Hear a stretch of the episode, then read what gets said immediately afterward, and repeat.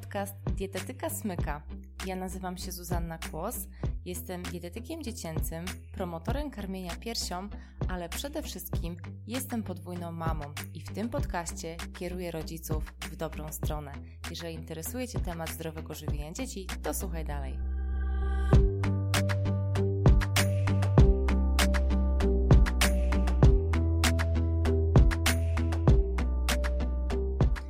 Witam Cię bardzo serdecznie. To jest 18 odcinek podcastu Dietetyka Smyka. I pomyślałam sobie, że dzisiaj tak wyjątkowo zapraszam Cię w kilka miejsc, w których po prostu działam. Na mojej stronie dietetykasmyka.pl znajdziesz bloga z różnymi artykułami, takimi dostosowanymi i dla mam maluszków, i dla mam już małych czy starszych dzieci, a także dla mam karmiących piersią i mam mm, przyszłych mam, czyli mam w ciąży. Znajdziesz także bloga z przepisami dla dzieci i tutaj myślę, że dla każdej mamy to jest jakaś tam inspiracja, podpowiedź, e, także zachęcam, tam jest coraz więcej przepisów. Staram się, żeby przynajmniej raz w tygodniu dochodził jakiś nowy przepis, a także znajdziesz podcasty i to jest 18 odcinek, czyli znajdziesz pozostałych 17 w zakładce podcast, a także jeżeli jeszcze nie pobrałaś nagrania wideo oraz e, siedmiu superplanerów, które mają za zadanie ułatwić Ci zdrowe żywienie dziecka, to serdecznie Ci polecam, abyś weszła na dietetykasmyka.pl prezent i od razu na Twojego maila poleci właśnie taki, taki prezent ode mnie. Jeżeli jeszcze nie subskrybujesz mojego podcastu w aplikacjach do słuchania podcastów, to też Ci to serdecznie polecam, wtedy żaden odcinek Cię nie ominie. Zapraszam Cię także na mojego Facebooka oraz Instagram i tam wszędzie nazywam się po prostu Dietetyka Smyka. Chociaż może niedługo to się zmieni i na Facebooku będę Zuzanna Kłos, Dietetyka Smyka. Cały czas próbuję zmienić tą nazwę i mam podgórkę. Jakoś Facebook nie słucha moich próśb.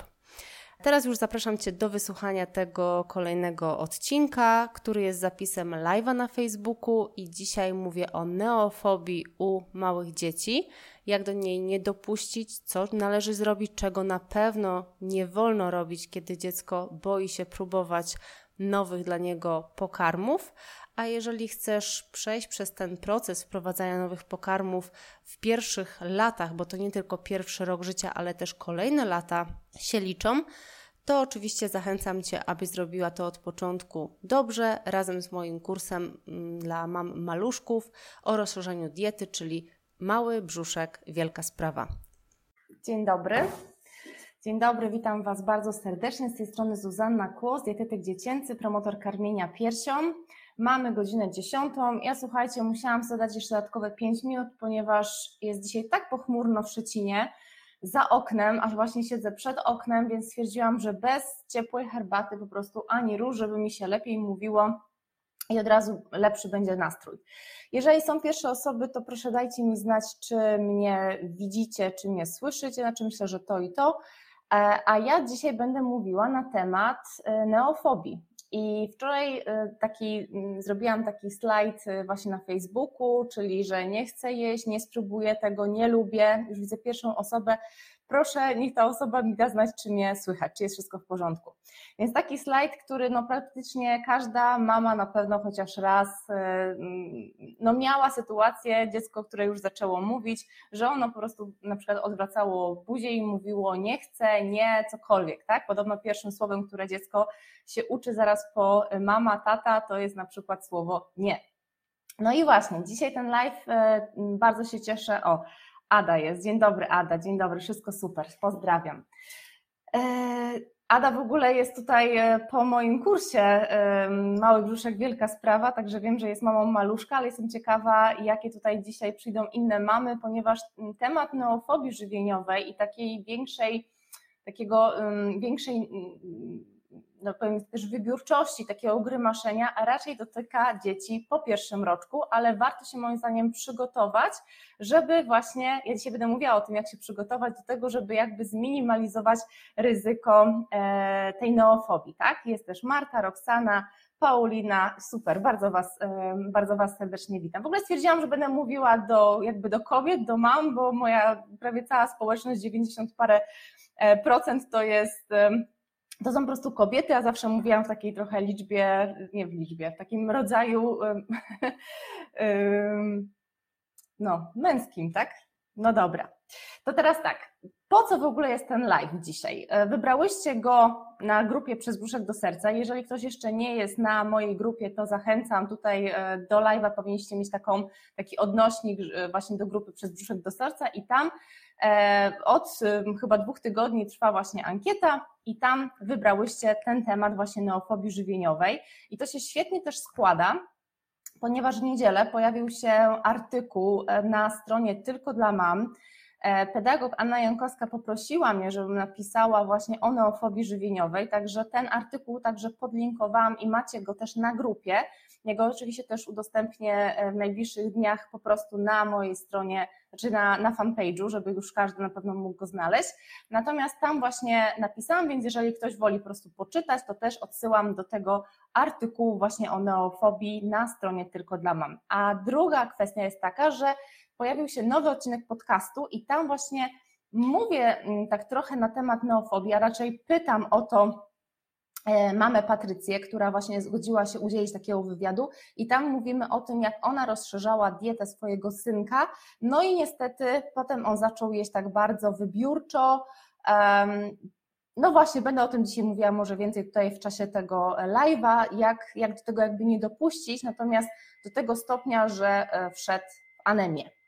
No dobra, także do tego Was, do tych dwóch e, miejsc jakby Was odsyłam, do podcastu i do artykułu. No i teraz pierwsza kwestia. Chcę powiedzieć jasno i wyraźnie, że to nie jest tak, że Wasze dziecko musi jeść wszystko. To znaczy, jeżeli Wasze dziecko powiedzmy nie lubi kalafiora, no to, no to to jest po prostu dziecko, znaczy dziecko, to jest po prostu człowiek, który akurat nie lubi smaku kalafiora i podejrzewam, że każda z nas, jak tutaj jesteśmy, po prostu czegoś tam nie lubi. Nawet próbowała tego wiele razy w różnej postaci, a jednak jak ktoś zaproponuje, to może dzisiaj zupa, e, nie wiem, brokułowa czy kalafiorowa, niby podobne warzywo trochę, tam kolorem się różni, wiadomo, innymi rzeczami, no to jednak wybierze na przykład tą brokułową, tak? Więc po prostu co z tego, że próbowałyśmy coś wiele, wiele razy, jak po prostu nie lubimy za bardzo kalafiora i to jest nasza jakby taka indywidualna preferencja, więc też jakby nie można oczekiwać, że przełamiemy ten opór dziecka zawsze i, i w tym momencie, jeżeli to nam się nie udaje, to jest jakaś wielka nasza porażka, jaką mamy, tak? Ale fakt faktem, że warto próbować właśnie przełamywać jakąś niechęć do różnych e, produktów i o tym dzisiaj będę mówiła tutaj na tym live. I teraz czym w ogóle jest neofobia? E, powiem to dla, dlaczego. Dlatego, żebyście od razu sobie mogły mm, jakby trochę Was uspokoić. Ja bardzo lubię w ogóle uspokajać mamy na wszelkich konsultacjach czy, czy często na warsztatach i mówić Wam, co jest w pewnym sensie normalne. Więc to, że na przykład Wasze dziecko wybrzydza, nie chce czegoś jeść, e, grymasi, tak? Ja tego nie chcę, ja nie lubię, coś tam, to to nie jest neofobia. I teraz czym jest w ogóle neofobia, tak? Bo taki etap grymaszenia, no to każdy ma, to po prostu to nie spotkałam się z dzieckiem, które naprawdę jadłoby totalnie wszystko, tak? Więc każde, e, każde dziecko e, grymasi. Możecie też napisać tutaj w ogóle w komentarzu na przykład, e, z, z, czego wasze dziecko nie cierpi. O, bardzo jestem ciekawa, tak? Jakie tutaj, co, co ja mogę doradzić na przykład w takiej sytuacji, tak? Jak przełamać jakiś taki opór przed jedzeniem jakiegoś produktu, dobra? Jak ktoś ma tutaj ten, to możecie zadawać jakby co też pytania a ja później na koniec e, się do nich odniosę i na nie odpowiem. Natomiast specjalnie jakby sobie sprawdziłam, czym jest w ogóle neofobia, żebyśmy, znaczy czym jest w ogóle fobia, może tak, żebyśmy od, jakby wyszły od tego punktu e, takiego mm, początkowego, tak? Fobia to jest takie zaburzenie nerwicowe, ja to sobie tutaj czytam z kartki, zaburzenie nerwicowe, taki ogromny, nieuzasadniony lęk, tak? I, na, e, I te osoby, które cierpią na fobię, tak? Fobia to jest to zaburzenie nerwicowe. Nie wiem, czy ja się nie przejęzyczyłam i powiedziałam o neofobii, bo neofobia to jest znowu strach przed nowością, tak? Przed jakąś nową sytuacją, przed um, właśnie na przykład przedmiotami, których jakby nie znamy, tak? Przed produktami, które nie znamy do zjedzenia, tak? Czyli ta neofobia, strach przed nowością. Natomiast sama fobia to jest właśnie taki nieuzasadniony, bardzo silny lęk. Wyobraźcie sobie, że się czegoś boicie i teraz to jest jeszcze podniesione do potęgi entej, tak? Czyli robi się sucho, jesteście całe spięte, ból brzucha, czasami wymioty z tego powodu, e, taki przykurcz jakby wszystkich kończyn, tak? E, szybsze bicie serca, no po prostu ogromny, ogromny strach, czasami nawet zawroty głowy, tylko jeszcze to jest czasami podniesione właśnie do potęgi entej, bardzo, bardzo silne. I teraz e, na neofobię żywieniową zdecydowanie cierpią na to zaburzenie, tak? Dotyka to małych dzieci, mniej więcej po pierwszym roku, ale takie nasilenie tej neofobii żywieniowej jest między drugim a czwartym rokiem, czyli takie właśnie koniec żłobka, początek przedszkola, mniej więcej, tak? I to z jednej strony ta obecność wśród dzieci, które też jedzą, właśnie może pomagać, jeżeli trafimy na grupę dzieci, które faktycznie siedzą przy tych stoliczkach i tam wszystko pochłaniają i się cieszą i mówią, jakie dobre buraczki, bo właśnie na przykład w domu jadły buraczki i nasze dziecko nie jedzące do tej pory buraków może stwierdzić, spróbuję.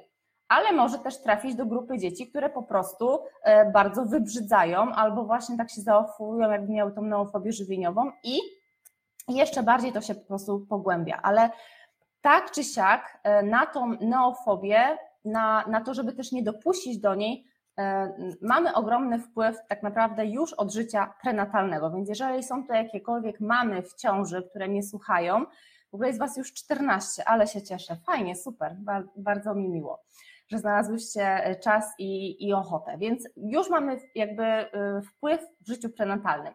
Kiedy jemy i smaki z naszego pożywienia, kiedy nasza dieta jest bardzo taka urozmaicona w czasie właśnie ciąży, te smaki przechodzą do płynu owodniowego, na ten płyn owodniowy, tak, e, po prostu dziecko połyka i już podobno to wpływa gdzieś tam później na jego preferencje.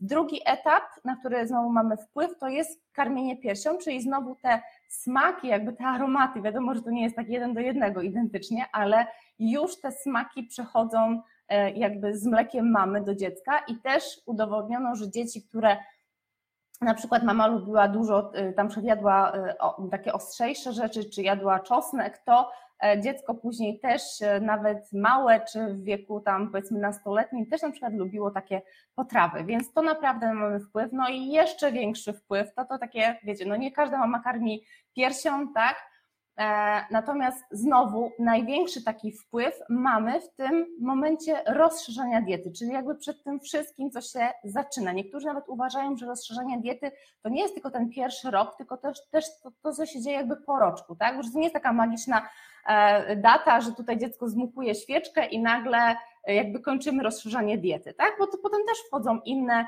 inne produkty w kolejnych miesiącach. Może na przykład nie było na coś sezonu, więc dopiero podamy to powiedzmy po pierwszym roczku, więc jakby kontynuujemy to rozszerzanie diety dalej, ale jednak największy wpływ na to, żeby też nie, dopuścić tej neofobii, mamy w tych pierwszych miesiącach rozszerzania diety, kiedy ja, ja zawsze to powtarzam, jesteśmy wzorem.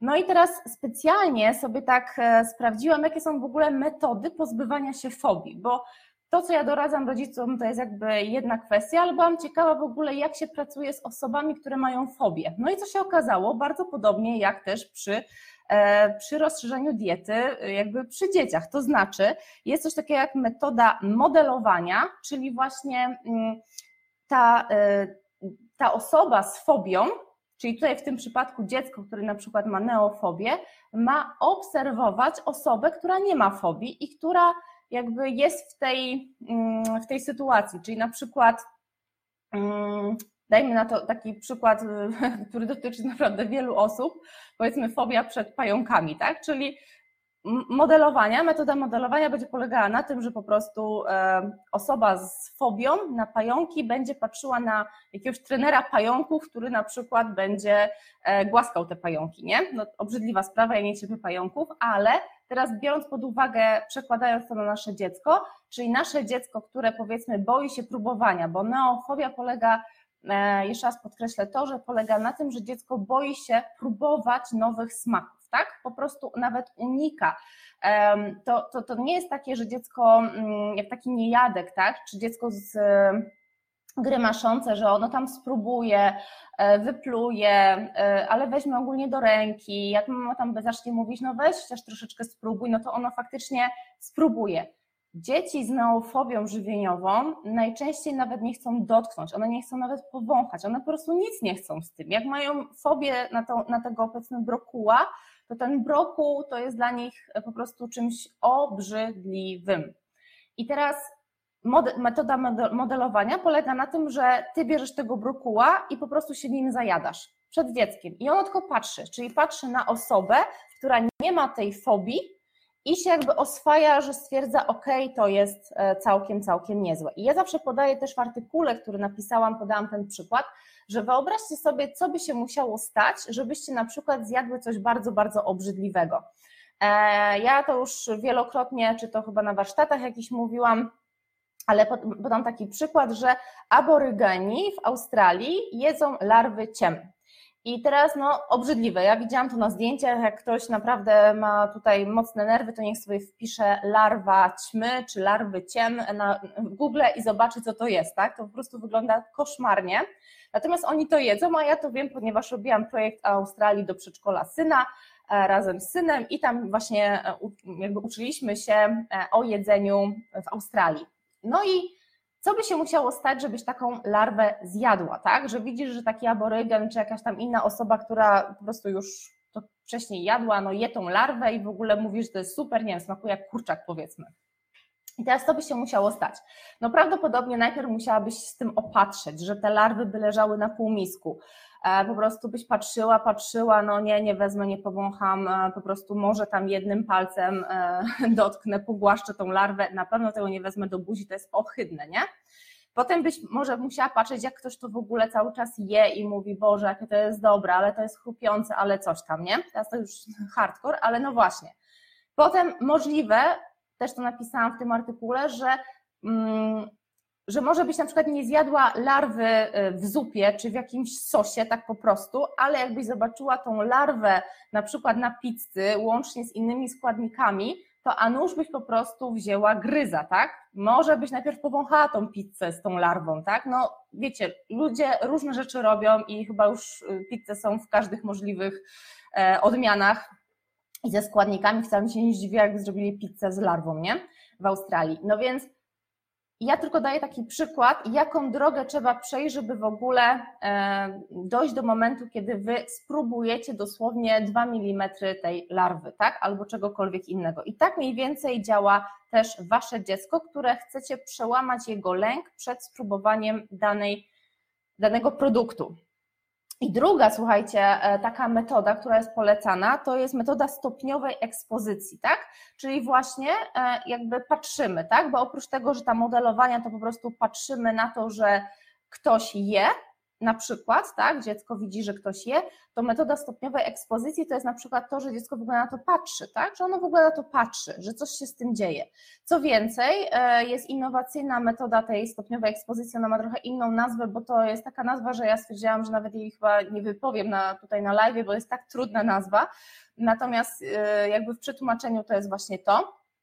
I to polega, ta, ta jeszcze ta jakby odmiana tej jakby tej metody, taka e, innowacyjna, to jest wirtualnej rzeczywistości, że już nawet nie tylko, że ta osoba patrzy bezpośrednio na przykład na tego brokuła, który leży na stole, tak?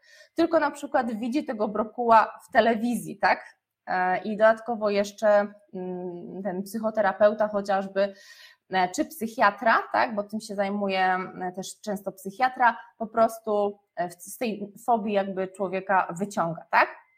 Więc zobaczcie, jakby teraz to przełożyć na to, co wy możecie zrobić, kiedy wasze dziecko jest w tym takim etapie właśnie neofobii żywieniowej, no to przede wszystkim bądźcie wzorem, czyli po prostu zawsze jemy z dzieckiem. Po drugie, e, robimy wszystko, żeby w tym momencie rozszerzania diety, w tych pierwszych miesiącach, kiedy wasze dziecko jest bardzo chętne do tego, żeby w ogóle próbować nowe smaki, brać je do rączki, tak, to w tym momencie jakby pozwalajcie na to, tak? Ja zawsze powtarzam, że nawet jeżeli mm, jest dziecko właśnie w tym okresie rozszerzania diety, to to, czy ono tego dnia zje zupę, czy nie zje zupy, to to powinien być powiedzmy wybór dziecka, a nie mamy. W sensie, że ewentualnie dziecko dzisiaj no nie ma ochoty na zupę, no jakoś się źle czuje i jakby ma prawo pić powiedzmy mleko, no bo podstawą jest mleko, ale żeby to nie było tak, że nie ma zupy, bo na przykład mamie się nie chciało ugotować. Więc pamiętajcie o tym, dobra?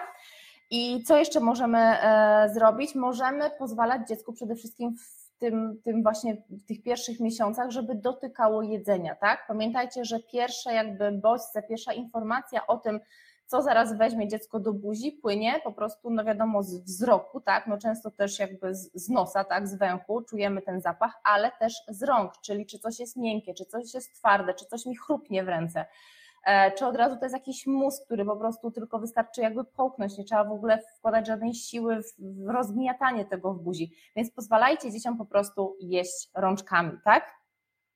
E, natomiast jeszcze bardzo ważna sprawa jest to, żeby pozwolić dziecku jeść we własnym tempie, żeby nie przyspieszać niczego, tak, albo też na przykład nie spowalniać, tak, czyli dziecko też e, często z neofobią, zanim się oswoi, to naprawdę powiedzmy, nie powiem, że im dłużej ono spędzi czasu przy stole, na którym powiedzmy stoją te brokuły, to ono nagle jakby zmieni stosunek do brokuła, ale żeby to naprawdę mogło się oswoić z tym widokiem, tak? Ta metoda tej stopniowej ekspozycji, czyli jak nie chce czegoś jeść, to my to pokazujemy. I ja E, powiem Wam na przykładzie też mojej córki, która e, rok temu w wakacje powiedziała mi nagle, że ona nie lubi truskawek. I ja przez, jak ja to usłyszałam, a ona oczywiście lubi truskawki i je jadła przez kolejne lata, tak, teraz ma 5 lat prawie, i ona mi nagle jako czterolatka komunikuje, że ona po prostu nie lubi truskawek, no to no, wolne żarty, tak? Ja nie stwierdzę, aha, no to skoro nie lubisz truskawek, no to, no to nie będziesz jadła truskawek. Tylko ja zrobiłam wszystko, że kolejnym tygodniu, po tym jak ona to powiedziała, po prostu było wszystko z truskawkami. Ja zrobiłam wypasione, świetne pierogi z truskawkami, makaron z truskawkami, kanap na kanapkach były nawet truskawki, były jakieś smoothie truskawkowe, były lody truskawkowe domowe, tak? E, ja już teraz nie pamiętam, ale po prostu ja robiłam wszystko, jakieś ciasto drożdżowe z truskawkami i ona po prostu widziała, że wszyscy inni, jeszcze chyba była u nas babcia wtedy, już nie pamiętam, ale wiecie, tata, brat, babcia, ja po prostu wszyscy się zajadamy tymi rzeczami z truskawkami, a ona siedzi i twierdzi, ja nie lubię truskawek. To chyba to trwało, nie wiem, może z dwa dni, kiedy wreszcie zobaczyła lody truskawkowe i jeszcze y, ja zaangażowałam dzieci do tego, żeby właśnie pomogły mi robić te lody truskawkowe, tam miksowały blenderem i tak dalej, nie? rozmiatały widelcem i ona nagle, e, no ja lubię truskawki jednak, nie? To dwa dni, ale to była taka stała ekspozycja, że truskawki leżały na stole, truskawki były po prostu wszędzie, tak? Tak, więc e, naprawdę polecam, żeby, żeby to nie było takie, a no nie lubisz, no to, no to nie będę ci gotować. I uważajcie właśnie to, co też mówicie w ogóle do dziecka. I uważajcie, co mówicie wobec innych osób, które na przykład częstują dziecko, tak? Idziecie do babci, babcia powiedzmy, też przyczepiłam tych brokułów, to może już polecę dalej, tak? Babcia ugotowała zupę powiedzmy brokułową, albo nawet zamierza ugotować tą zupę brokułową. Wasze dziecko gdzieś tam ostatnio grymasiło od, nie wiem, od miesiąca, czyli dłużej, że ono nie, nie chce, nie lubi brokułów i tak dalej. Babcia gotuje tą zupę brokułową, czy tam jakieś zapiekane brokuły chce zrobić, na obiad, a wy mówicie, nie, nie, ona tego nie lubi, nie? Nie, nie, ona tego nie zje. Jakby zgadzacie się ze mną, jestem bardzo ciekawa. Tutaj widzę, że jest dużo komentarzy, ale e, czy miałyście takie, takie też sytuacje, że słyszałyście, że ktoś mówił na przykład, nie, ona tego nie zje, ona tego nie lubi, czy on tego nie lubi, nie? E, to dziecko to słyszy, dziecko to słyszy i jakby jeszcze bardziej sobie wdrukowuje to w głowę, tak, że ono faktycznie tego nie lubi, bo skoro mama tak mówi, a mama jest alfą i omegą, czy tata, to widocznie ja taki jestem faktycznie, nie? E, I ja faktycznie tego nie lubię, no przecież mama to mówi jako taką, ja coś, coś się zawsze śmieje, prawdę objawioną, tak? Która po prostu jest nie do podważenia. E, więc uważamy na to, co mówimy. I kolejna sprawa, żeby to nie było tak, że wy mówicie w towarzystwie innych osób, czy tam nawet dziecko was częstuje, nie? Wy wiecie, dobra, trzeba wprowadzić brokuły, dajemy dziecku brokuły na talerz, dziecko nas próbuje karmić tymi brokułami i tam, mamo, masz to dla ciebie, a wy, nie, nie, nie, nie lubię brokułów, nie? No po prostu nie ma takiej opcji, nie wiem, za, za, poproście tatę, jeżeli wy nie lubicie brokułów, dobra, ty siadaj i zjedz z nim te brokuły, tak? Pokaż mu, że ty to jesz. E, babcie zatrudnijcie do tego, tak? E, nie wiem, może ciocia uwielbia brokuły, zaproście ją na obiad, żeby dziecko się opatrzyło z tym, że po prostu ciocia je te brokuły, ale może się zmuście, no chyba, że macie jakieś, jakieś problemy zdrowotne, nie wiem, alergię ktoś może mieć, tak, na jakiś składnik diety, a chcecie go wprowadzić, jak go nie cierpicie i też nie możecie jeść, więc żeby to było takie oswajanie dziecka po prostu z, z tym widokiem e, tego jedzenia. I teraz dobra, e, jeszcze chciałam powiedzieć, że w ogóle na neofobię żywieniową, na ten stan taki naprawdę strachu przed próbowaniem, unikaniem w ogóle jedzenia, mogą mieć też wpływ geny, więc czasami jest tak, że jeżeli wy albo tatusiowie właśnie mieliście mm, taką neofobię w dzieciństwie, też jakby jeżeli zaopiekujemy się tym dzieckiem, nie zostawimy je sobie same, sam, sobie samych, tak, to z tej neofobii się ogólnie wyrasta, tak? Jakby przełamuje się ten stres, y, no stres powiedzmy, tak? Się widzi coraz więcej jakby, y, że jednak inne osoby to jedzą, tak? Dziecko idzie do restauracji, no widzi gdzieś tam przy okazji, w telewizji widzi, tak? No potem już dziecko po prostu coraz więcej gdzieś tam jednak ma do, czynienia z y, innymi osobami, z książkami, tak, kulinarnymi, no wiecie o co chodzi czy zobaczy jakiegoś tam e, masterchefa, juniora, tak, jakiś program i się oswaja z tą myślą, więc z tego się wychodzi, chociaż są też osoby, są też dzieci, e, nawet takie, no powiedzmy, które mają 7, 8, 10 lat, czy nawet nastoletnie, czy właśnie, tak jak mówiłam, dorośli, którzy nadal mają jakąś tam neofobię.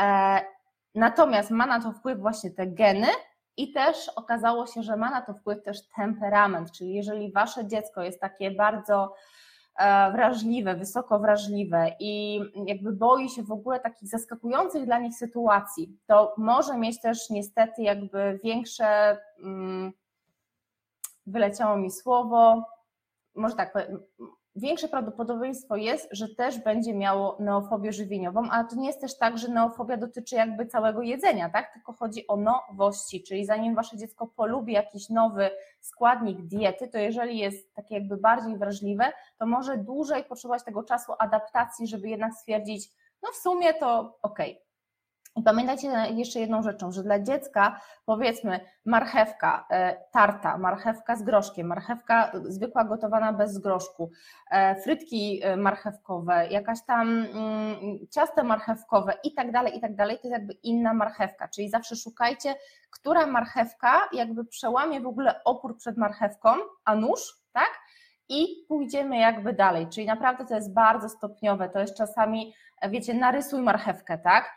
E, pójdziemy na rynek, kupimy marchewkę, e, potrzymaj mi tą marchewkę, bo ja coś tam muszę zrobić. Naprawdę dziecko z neofobią, a propos marchewki, może być tak wycofane, że w ogóle no marchewka jest dla niego, tak jak mówię, taka larwa, tak? No potrzymaj mi larwę teraz, tak? No obrzydliwa sprawa.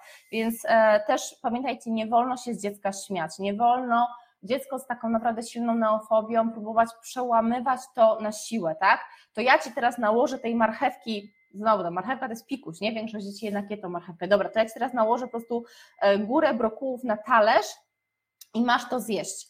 Ja już miałam takie, e, takie sytuacje na konsultacjach, kiedy ktoś mi mówił na przykład, że mm, dziecko nie chciało jeść zupy, więc oni e, po prostu jak dziecko wracało z przedszkola, co więcej, jadło w przedszkolu normalnie obiad, wracało po przedszkolu i na przykład dostawało zupę na talerz i musiało siedzieć nawet godzinę, żeby zjeść tą zupę, tak?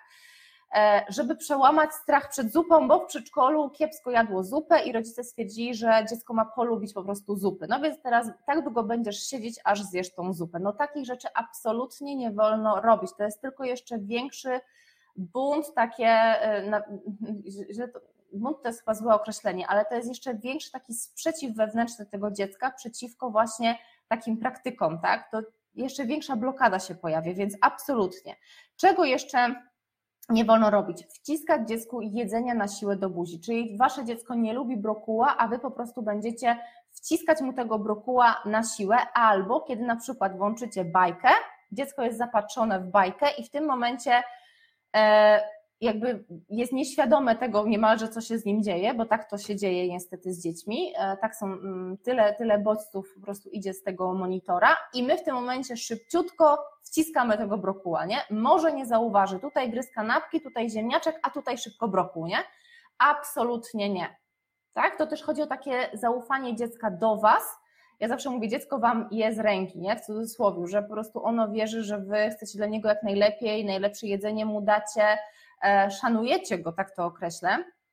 Ja uważam, że szacunek podczas posiłku też powinien e, być dziecku jakby mm, no, okazywany, może tak, więc wszelkie e, wciskanie dziecku jedzenia na siłę, kiedy ono nie lubi tego, mówi, to to jest najgorsze, co może być. Dziecko ma się właśnie samo jakby przełamać do tego, że ono samo weźmie tego brokuła i spróbuje. Jasne, można przemycać, w sensie zrobić um, jakiś y, sos, tak, że te, ten brokuł jakby będzie zmiksowany w sosie, w sensie my chcemy dostarczyć jakieś tam wartości odżywczych, ja to się przyczepiam do tego brokuła, ale e, jest taka fajna bajka, e, w głowie się nie mieści, mm, bardzo ją polecam, szczególnie dla, dla przedszkolaków i dla starszych dzieci. E, I tam jest e, właśnie, e, no, że te postacie, jakby, które są w głowie tej dziewczynki Riley, one schodzą do jej podświadomości, to jest tak jakby zwizualizowane wszystko, i tam właśnie wchodzą do, do, do jakiegoś tam magazynu wspomnień, takich tam niedobrych, i tam są różne jakby wspomnienia tej dziewczynki, które ją kiedyś przestraszyły, tak? Już nie pamiętam dokładnie, jak to się nazywało, ale one wchodzą, otwierają wielkie drzwi i tam jest jakiś przerośnięty klaun, jakiś odkurzacz babci, który hałasował i wystraszył ją w dzieciństwie i taki wielki brokuł i jest taka scena, ona mówi brokuł gigant, nie? E, e, jedna z emocji. No, świetna bajka, naprawdę polecam, nawet dorośli będą, e, myślę, że będziecie jakby z niej, no, no ja jestem zachwycona tą bajką, śmieję się i w ogóle wiele takiej mądrości nawet w tej bajce jest moim zdaniem. Natomiast, mówię, przyczepiłam się do tego brokuła, że dziecko ma po prostu samo po niego sięgnąć, nie, mo, nie można wciskać na siłę, tak? I na pewno nie wolno tego, już teraz jeszcze raz to podkreślę, mm, eliminować tego z diety. Czyli jeżeli, tak jak mówiłam, tą truskawką, ja powinnam co, wyeliminować e, teraz córce tą truskawkę, bo ona powiedziała, nie lubię truskawek. No nie, no właśnie jest ta ekspozycja cały czas, nie eliminujemy tego z diety, nie mówimy, a no jak nie lubisz. Możemy powiedzieć na przykład, no dobra, no to może następnym razem, albo co może, co mogę zrobić, żeby e, no żebyś spróbował tego brokuła, tak? Może na przykład polać jakimś sosem serowym, tak? Coś takiego zrobić, co by jednak dziecko by stwierdziło, że jednak to spróbuje, tak? I na pewno nie warto używać takiego jakby szantażu albo um, nagród, tak, że na przykład jak zjesz brokuła, to dostaniesz ciastko. To nie na tym rzecz polega. Pamiętajcie, że jeżeli coś dajemy dziecku w zamian i to jest coś super, wspaniałego i tak dalej, no to już no, większość dzieci, szczególnie w takich latach przedszkolnych i dalej, ma zakodowane, że na przykład jak pójdzie na zastrzyk, czy jak pójdzie do dentysty, czy jak coś tam zrobi, to dostanie w nagrodę nie? Czy jakby przełamujemy ten opór przed, przed czymś, co jest raczej nieprzyjemne. No umówmy się, no zastrzyków nikt nie lubi, nie?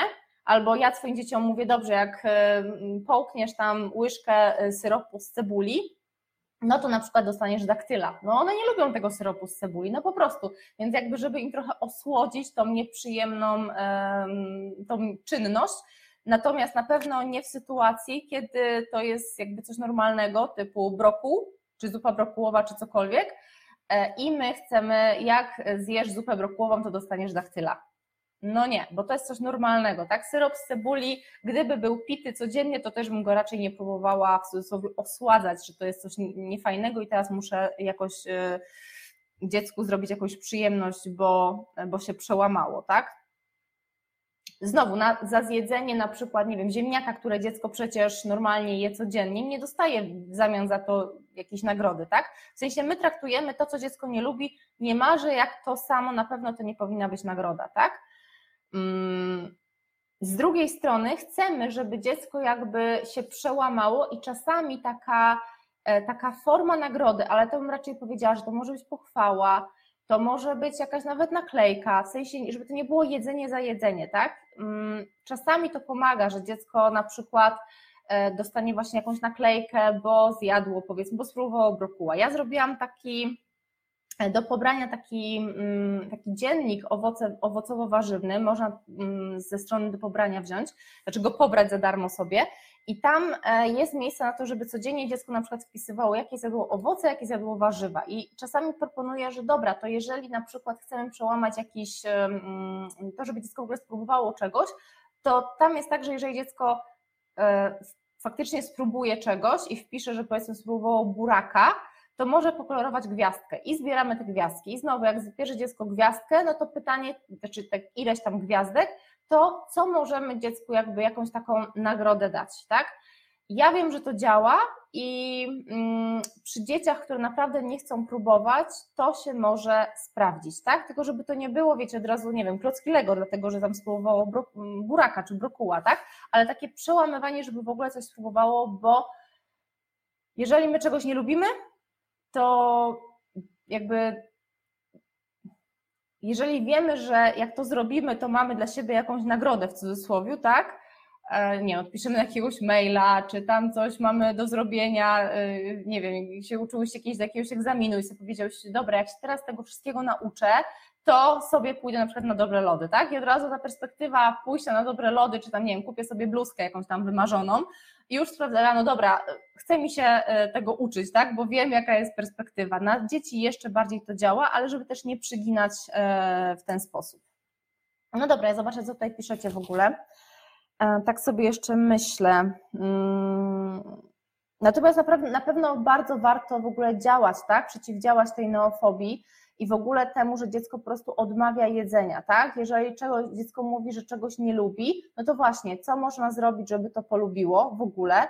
E, jak najbardziej próbować to ograć, tak? Na różne sposoby. Ja mam ten cykl u siebie oswajamy, na przykład oswajamy szpinak, oswajamy tam chyba były bataty, buraki, już teraz nie pamiętam dokładnie, ale jest taki cykl u mnie na blogu i można sobie podejrzeć y, różne przepisy po prostu z danym y, składnikiem.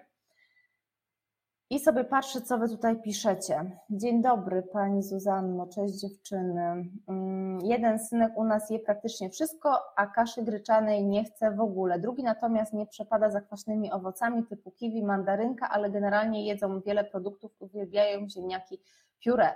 No właśnie, tutaj na przykład, a propos mi się skojarzyło z tym pióre, że mój synek jak był malutki, jak był niemowlakiem, to on nie cierpiał ziemniaków, nie cierpiał. Ja nawet na blogu wrzucałam różne przepisy z ziemniakami, co można zrobić po prostu, żeby te ziemniaki gdzieś tam przemycić. Oczywiście teraz no je ziemniaki, aż mu się uszy trzęsą, tak?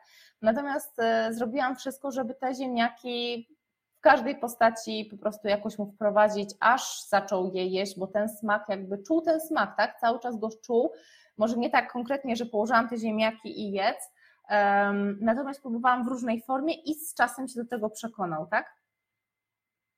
Ale a propos tej kaszy gryczanej, że nie chcę w ogóle. E, no właśnie, pytanie, czy ta kasza jest zawsze w tej samej postaci, tak? Czy ona jest też, na przykład można zrobić ciasto z kaszy gryczanej, tak? Można. Można zrobić tą kaszę e, taką nasypką, a można ona być wymieszana z sosem. Można zrobić na przykład zupę z dodatkiem kaszy gryczanej, że nawet dziecko jakby nie zauważa, że tam nie jest powiedzmy taka e, kasza wiejska wrzucona, tylko na przykład kasza gryczana, tak? E, zamiast na przykład do krupniku, tak? Można na przykład z kaszą gryczaną zrobić krupnik. Więc kombinowanie, ale tak jak powiedziałam na samym wstępie, to nie jest tak, że wasze dziecko musi jeść wszystko i polubić wszystko, bo jak czegoś nie polubi, to znaczy, że po prostu poniosłyście jakąś porażkę, tak? Że wasze dziecko po prostu, no, może do końca życia tutaj synek nie będzie chciał jeść kaszy gryczanej, to będzie jego wybór, tak? Pytanie, czy też jakby z każdym tygodniem, miesiącem się nie pogłębia gdzieś tam niechęć do próbowania nowych rzeczy. Stosuje się od początku do wszystkiego, co pani Zuzanna mówi, dziecko je jak odkurzacz. O matko, ja właśnie mówiłam, że mamy, które przychodzą mnie, do mnie na warsztaty z żywienia niemowląt, a liczę, że tak samo teraz po kursie online, w ogóle słuchajcie, kolejna edycja kursu startuje 16 marca, czyli za powiedzmy miesiąc i, i, i 4 dni, jeżeli tam dobrze przeliczam, chociaż nie wiem ile w tym roku ma luty. E, za miesiąc startuje kolejna edycja i oczywiście już się zbierają mamy do tej edycji, tak? Także zapraszam, ale uprzedzałam zawsze, że potem czasami lepiej dziecko jest, łatwiej będzie dziecko ubierać niż żywić, bo po prostu będzie się domagało cały czas jedzenia. Przynajmniej ja jak, jak, jest, weekend, jak jest weekend, to ja po prostu tylko cały czas słyszę, a kiedy śniadanie, a kiedy będzie zupa, a kiedy będzie drugie danie. No. E, ważna rzecz to dawać dziecku dobry przykład i dać dziecku spokój, dokładnie jemy samo, y, jemy samo różne rzeczy z mężem, młoda je w własnym tempie, dajemy, proponujemy, ale nie zmuszamy, przeważnie niechęć do jakiegoś produktu przychodzi, przechodzi z czasem, dokładnie. Od kiedy syrop z cebuli można podawać dziecku? To znaczy tak, no y, jeżeli jest, jakby cebulę ja bym gdzieś tam wprowadzała na pewno już pod koniec pierwszego roku, no to jest bardzo ostry y, w smaku syrop, tak? natomiast bardzo, bardzo zdrowy. Jeżeli to jest na ksylitolu to raczej po pierwszym roku, ja na przykład robię syrop z cebuli na ksylitolu, no z cukrem można by było wcześniej, oprócz tego, że są zalecenia, żeby ogólnie nie dawać dzieciom rzeczy słodkich, natomiast e, syrop z cebuli, no żeby tylko osłodzić czymś, tak? Miodu w pierwszym roku lepiej nie dawać, chociaż nie było przypadków w Polsce, w Polsce zakażenia te, botulinizmem niemowlęcym, natomiast lepiej botulinizmem, botulizmem. Wiecie co, teraz zgłupiałam, jak to się, e, jak to się odmienia. Natomiast um, botulinum, Clostridium botulinum, botulin, nie no, zgu, no, nie wiem jak to teraz odmienić, zapomniałam, botulinizmem albo botulizmem, botulinizmem chyba. E, natomiast dobra, jakby co to na miodzie można robić ten syrop e, dopiero po pierwszym roku. I tu jeszcze Ada pisze, ostatnio byli u nas znajomi, do kawki zrobiłam mafinki czekoladowe z czerwonej fasoli, ich córka chciała sobie zjeść babeczkę, ale jej mama powiedziała, kochanie, przecież ty nie lubisz fasoli. Zostaw, bo i tak mnie zjesz. Masakra, nie? Słuchajcie, patrzcie, jakie to jest niesamowite, nie? Mafinka z czerwoną fasolą. Ja bym na to nawet nie wpadła, nigdy takiej nie piekłam.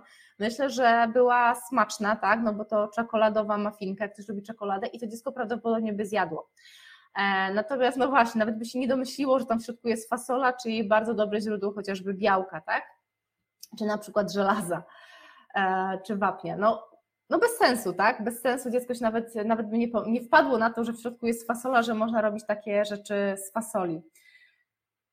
Tak. Więcej komentarzy, przynajmniej ja nie widzę, może mi coś tutaj e, też ucięło. E, widzę tutaj jakieś dwa polubienia. E, jeżeli Wam się podobał ten live, to zachęcam do tego, żeby mi wysłać jakieś serduszko albo kciuk w górę, będzie mi bardzo miło. Będę wiedziała, że po prostu ta wiedza była dla Was wartościowa. Patrzę sobie, czy coś jeszcze chciałam Wam powiedzieć.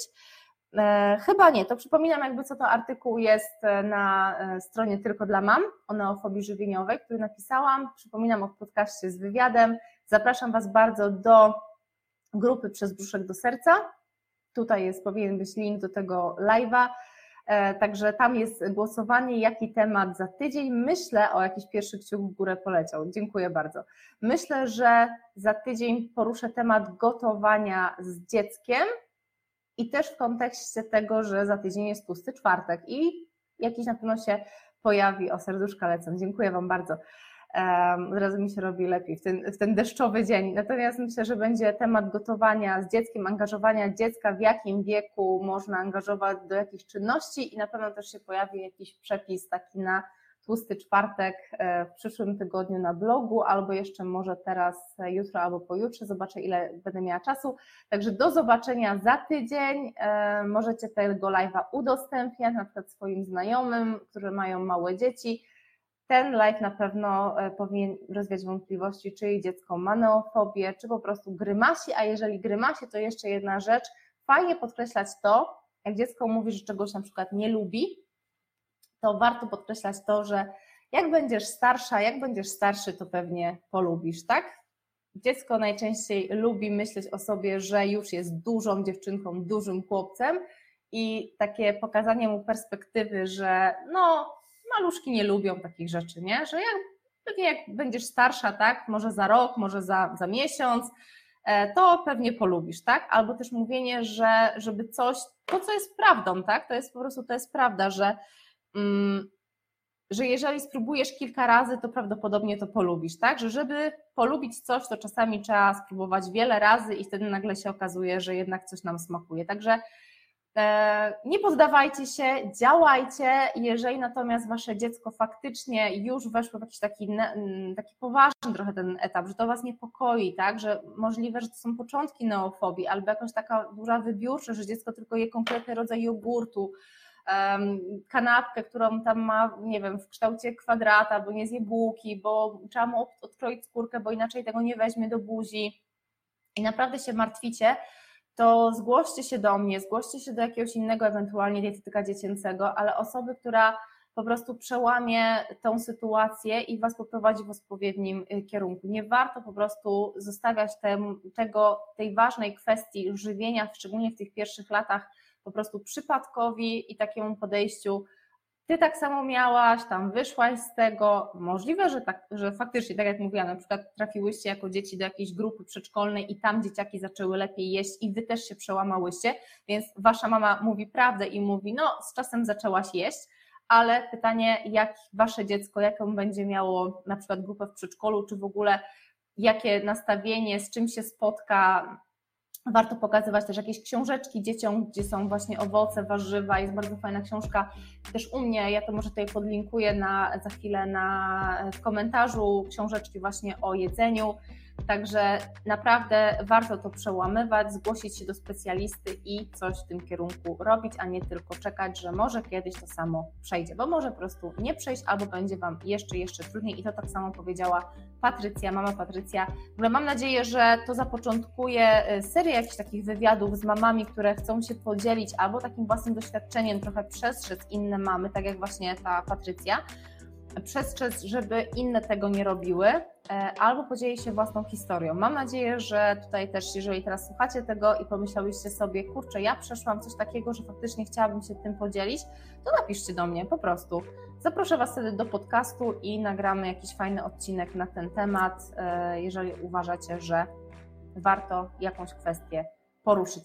Dobra, ja Wam bardzo dziękuję. Do zobaczenia w takim razie za tydzień. Planowałam, że live będzie 20 minut, trwa 40. Nie wiem, ja po prostu lubię z Wami rozmawiać i czytać Wasze komentarze. Wszystkiego dobrego, miłego tygodnia. Jeszcze Wam życzę miłej środy. Więcej słońca.